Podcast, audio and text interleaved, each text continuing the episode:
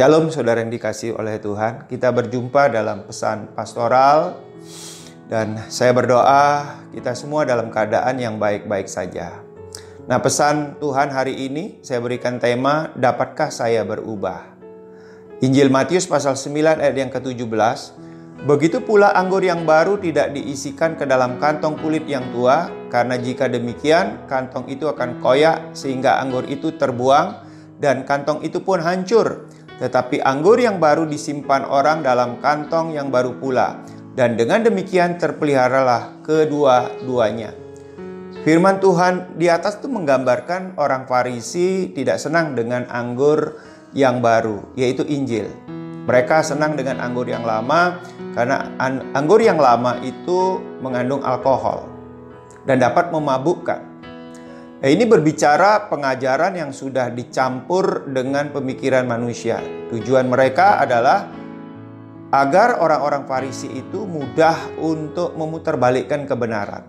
Nah, demikian juga kehidupan manusia, mereka itu sukar untuk diubahkan atau tidak mau berubah, senang di zona nyaman. Sementara Tuhan itu senang dengan perubahan agar manusia menjadi serupa dengan gambarnya, yaitu Yesus Kristus.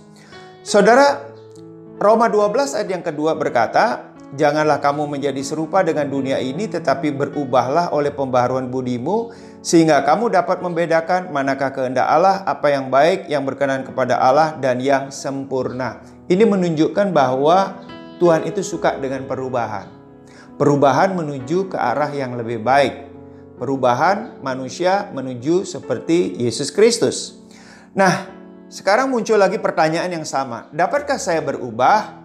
Jawabannya pasti dapat berubah jika bersama-sama dengan Tuhan Yesus. Nah, sekarang bagaimana caranya kita berubah? Yang pertama, kita harus sadar bahwa perubahan hidup adalah sebuah keharusan. Katakan sebuah keharusan.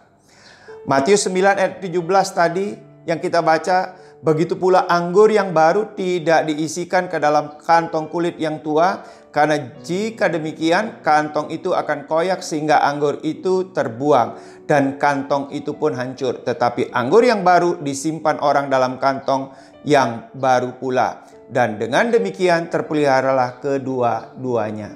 Saudara, ini menunjukkan bahwa perubahan itu sebuah keharusan.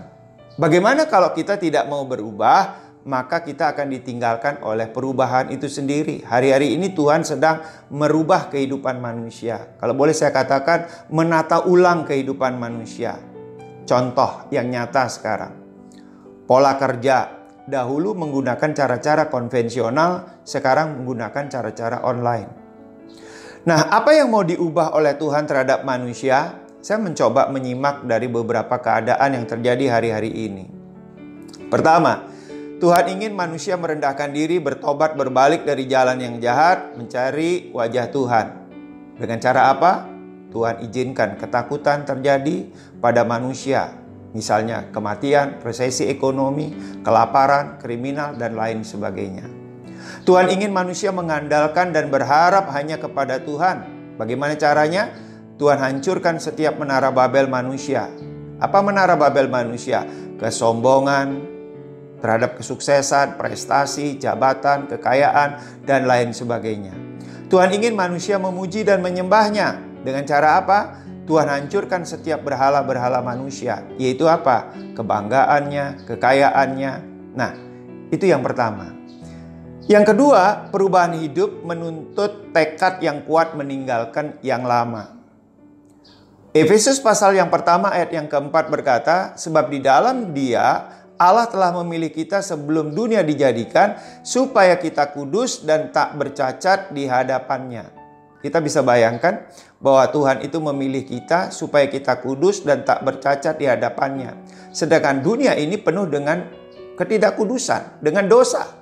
Itu sebabnya ketika Tuhan mengubah kehidupan kita harus punya tekad yang kuat meninggalkan kehidupan yang lama.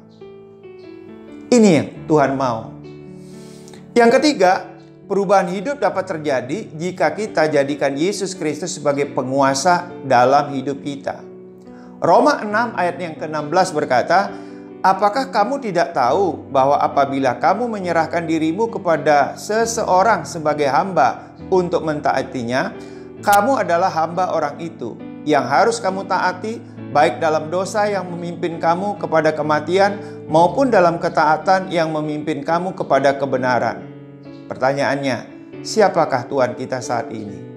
Jika Yesus Kristus adalah Tuhan kita, maka kita akan menyerahkan diri untuk mentaati Tuhan kita tetapi jika mamon Tuhan kita, maka kita menyerahkan diri untuk mentaati mamon. Itu sebabnya manusia sukar sekali untuk mengalami perubahan, tapi Tuhan suka dengan perubahan supaya manusia itu segambar dengan rupa anaknya, yaitu Yesus Kristus.